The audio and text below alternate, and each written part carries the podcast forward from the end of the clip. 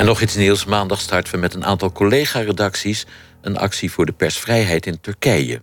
De actie spitst zich toe op Dennis Jussel, correspondent voor het Duitse dagblad Die Welt in Turkije. Hij zit al sinds eind februari gevangen. Welkom, vrouwtje Santing, 17 jaar correspondent in Turkije voor onder meer NRC Handelsblad. En auteur samen met columnist Erdal Balci van het boek Vechtscheiding: Hoe Erdogan de Turkse gemeenschap splijt. Vrouwtje, als je een algemene situatie schetst van de situatie van de persvrijheid in Turkije moet geven, wat kun je daarover vertellen? Nou, het kan bijna niet erger, zou je bijna zeggen. Uh, als je op 158 uh, eh, staat, dan zijn het bungelen nog een aantal landen onder Turkije. Uh, ja, een, een, dieptepunt. Hoeveel mensen zitten er in de gevangenis bijvoorbeeld? Hoeveel journalisten? Ik geloof dat er zo'n 160 journalisten in de gevangenis zitten. Of, uh, en het is nog een beetje de vraag over wat je precies als journalist uh, ziet. Uh, sommige mensen zijn activisten. Maar in ieder geval vanuit het idee dat ze schrijven voor media. Um, daarnaast zijn natuurlijk heel veel media gesloten in de afgelopen ehm, ja, maanden. Sinds de mislukte koep in de zomer van vorig jaar is er enorme snelheid. Um, allerlei media zijn uh, gesloten. en allerlei journalisten zijn uh, achter de tralies gezet. Hè. En dat gaat eigenlijk van onafhankelijk, redelijk onafhankelijke journalisten met namen. tot uh, journalisten die voor Koerdische kranten werkten. En ook veelal waar nu de zwaarste straffen tegen worden um, geëist. mensen van de Zaman, uh, de krant uh, van, uh, van de Gulen, de pro-Gulen krant, de hoeveel, spreekbuis. Hoeveel media zijn er nog in Turkije? Want het is een land met heel veel media, radiostations, tv-zenders, kranten, noem maar op, persbureaus... die niet aan het handje van president Erdogan lopen? Um, ik zou niet een getal kunnen noemen, maar ik denk dat uh, de meeste mensen hanteren dat er nog een enkeling tussen zit die af en toe Jumhuriyet is, de, is de, eigenlijk de krant die uh, uit het uh, republikeinse gedachtegoed van Atatürk is opgezet. Dat is een van de kranten die nog probeert om um, ja, tegengeluiden te laten horen. Maar een deel van de Jumhuriyet-journalisten zit ook gevangen. Hè? En de oude hoofdredacteur Jan Dündar is nu in Europa, waarschijnlijk in Berlijn, omdat hij anders voor lange tijd achter de tralies zou verdwijnen. En dat is nog een ander punt. Hè. Er, zijn, zitten een groot aantal journalisten in de gevangenis, maar er zitten ook een groot aantal journalisten die zijn naar ehm, de westerse wereld gevlucht. Um, er zijn ook journalisten die eigenlijk al eerder gevlucht waren. En die bijvoorbeeld in Zweden of in Frankrijk uh, al eerder gewoond hebben en daar een paspoort hebben en dus uh, weg konden. Het boekbeeld van, van de internationale actie op de dag van de persvrijheid op 3 mei is Dennis Jussel. Wie is hij? Het is een uh, man die uh, een dubbele nationaliteit heeft, denk ik. Een, een Turkse Duitser. die um, voor Die Welt, een van de toch um, meest vooraanstaande kranten in Duitsland, werkte. En um, ik denk ook dat hij nu in de gevangenis is beland juist omdat hij ook Turk is. Uh, je ziet dat tegen de meeste buitenlandse correspondenten... die krijgen of geen accreditatie. We kennen ook een aantal voorbeelden in Nederland. Martijn Kruk bijvoorbeeld, uh, die voor Trouw werkte... en voor de Groene Amsterdammer werkt.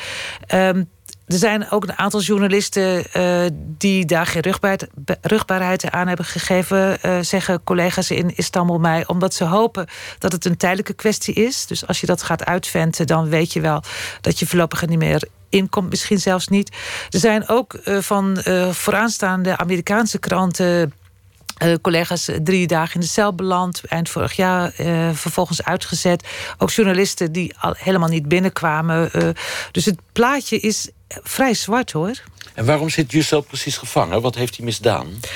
Nou, wat hij gedaan heeft, hij heeft over een hack uh, bericht. Hè, de Red Hacks, dat, dat is een soort hack waarvan uh, mails werden uh, gehackt van de schoonzoon van Erdogan, Berat Albayrak. En die was ook minister van Energie. En het ging en niet eigenlijk... helemaal brandschoon. nou, hij was minister van Energie. En hij heeft, dat ging eigenlijk over de controle op de media. Die berichten gingen eigenlijk, toonden eigenlijk aan dat het van binnenuit, vanuit het bewind van Erdogan, er redelijk veel overlegd werd met uh, mediabazen over uh, wie er werd aangesteld en wie niet en zo. Dus dat ziet ook al, het toont eigenlijk ook al aan dat uh, de verknooptheid in Turkije tussen aan de ene kant wat wie journalistiek bedrijft en de mediabazen, uh, dat die eigenlijk voortdurend met, de, met het bewind in, in, in, in dialoog zijn over wie ze kunnen aanstellen en wie niet. Nou, en hij heeft daar in het buitenland over bericht. En ik mag toch aannemen dat zijn arrestatie. En hij zit echt al een tijdje in de cel, hè, vanaf half februari. En er is veel aandacht voor. Internationaal ook de Duitse regering heeft een aantal keren om zijn vrijlating gevraagd. Dat het toch een signaal is naar de buitenlandse pers. Uh, wij pakken hem, dubbele nationaliteit, want hij is onze staatsburger. Maar weet dat uh, de, uh, de, nou ja, het, hoe het bewind denkt over persvrijheid in Turkije niet alleen geldt voor binnenlandse journalisten, Turkse journalisten, maar dat het ook oppassen geblazen is voor buitenlandse journalisten. Wij gaan over het verhaal wat er in Turkije gebeurt. En in wiens handen zijn die media? De, de, wat zijn het voor mensen die de eigenaren van die media zijn? voor een belangrijk deel zijn het conglomeraten van mensen die um, ook nog andere bedrijven hebben. Die uh, zeg maar in suiker of in olie of in andere zaken of uh, die shoppingmalls hebben. Je ziet een soort vergelijking een beetje met wat je ook in Rusland ziet. Zo'n nieuwe mediabazen die eigenlijk uh, die krant niet zozeer of die, die televisiestations niet zozeer hebben om geld te verdienen, maar om een podium te hebben uh, in dat krachtenspel in Turkije. En uh, de meeste mensen zijn afhankelijk ook van opdrachten, grote. Turkije heeft natuurlijk megaprojecten, zijn het aan het uitvoeren. Wil je daar, zeg maar, in dat krachtenveld, wil je daartussen komen, dan moet je natuurlijk niet al te veel oppositie voeren in de media. Dan heb je Erdogan nodig.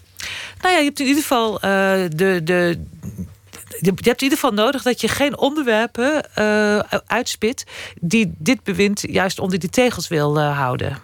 Ligt die deplorabele situatie van de persvrijheid in Turkije nou aan president Erdogan of is dat altijd zo geweest eigenlijk? Nou, het is nu wel heel extreem. En we zagen in de negentig jaren, toen er coalitieregeringen waren, dat het, uh, het, het bewind toen niet lukte om uh, die greep op die media uh, stevig te houden. er is een, er is een, net als er een politieke polarisatie is in Turkije, is er ook een. een, een die polarisatie is, zie je eigenlijk ook terug in het medialandschap. Het is een grote verzuiling. Of je bent spreekbuis van meer Koerdische activisme, of je bent seculier, of je bent pro-Erdogan nu, of je bent echt conservatieve moslim.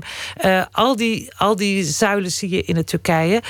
En wat da daardoor is er eigenlijk uh, nauwelijks samenwerking. Wat je ziet is dat er geen niemand als een soort onafhankelijke spreekbuis uh, naar boven komt.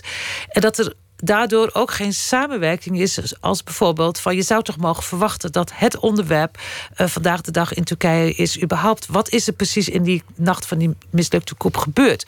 Je ziet dat er dan niet een club journalisten samenkomen. Er is niet een belang om dat tot de bodem uit te zoeken. Want dat is natuurlijk je rol als uh, journalist, als van de journalistiek in een, in een waarlijke democratie. Dus wat je ziet is feitelijk ook dat uh, er nu uh, journalisten aan het werk zijn die zich feitelijk verschuilen. Die onderdeel zijn van het steeds autoritairdere bewind. En die eigenlijk meeheulen door onderwerpen te laten liggen die belangrijk zijn. En ehm, eh, ook foutieve dingen, zeg maar, ehm, gewoon daadwerkelijk uh, zaken voor te stellen die helemaal niet kloppen. Dus mee, ze, werken, ze zijn onderdeel van eigenlijk het huidige bewind, de, de huidige media uh, in Turkije. Op belangrijke manier houden ze ook het systeem zo in stand. Ik heb die lijst van uh, journalisten die vastzitten in Turkije ook, ook doorgespit. Het verwijt is dan meestal niet, je bent journalist. Het verwijt is, je bent terrorist. Uh, je, je, bent betrokken bij de Koerdische bevrijdingsbeweging. Of, dat, dat maakt het een beetje moeilijk om te onderscheiden... of mensen nou vastzitten vanwege journalistieke activiteiten... of vanwege iets anders. Ja, ik denk ook dat dat uh, onderdeel is van wat Erdogan, nu mee bezig is. Hè? Want iedereen, of je nu journalist bent, of je bent uh, ambtenaar en je bent bijvoorbeeld, je zou sympathie hebben voor de Gulen-beweging, allemaal ben je nu terrorist. Hè? Die, aan, die aansla, die aantijgingen zijn zo uh, onrealistisch dat het daardoor ook um, nou ja, moeilijk is om precies te, te zien van wat is, nou, wat is nou de reden dat iemand daar gevangen zit. Maar ik denk dat je wel aan mag nemen dat een belangrijk deel van de mensen die nu omdat ze journalist zijn in, in Turkije nu in de gevangenis zitten, daadwerkelijk journalist zijn. Alleen ze berichten over zaken waar deze regering uh, niks van wilde weten. Als de Koerdische kwestie. Want er is natuurlijk wel al een tijdje ook een hele grote oorlog aan de gang in dat zuidoosten van Turkije, waar we allemaal maar niks over horen. Hele woongebieden, woonwijken in het uh, historische hart van Diyarbakir, die nu met de grond gelijk zijn gemaakt. Nou, daar wil deze regering eigenlijk niks over zeggen. Dus deze mensen zijn, uh, worden gelijkgesteld aan een PKK-terrorist. Terwijl ze journalist zijn. Ik dank je, vrouwtje Santing. Ze schreef samen met Erdal Balci het boek Vechtscheiding... hoe Erdogan de Turkse gemeenschap splijt. Argos, de boeken.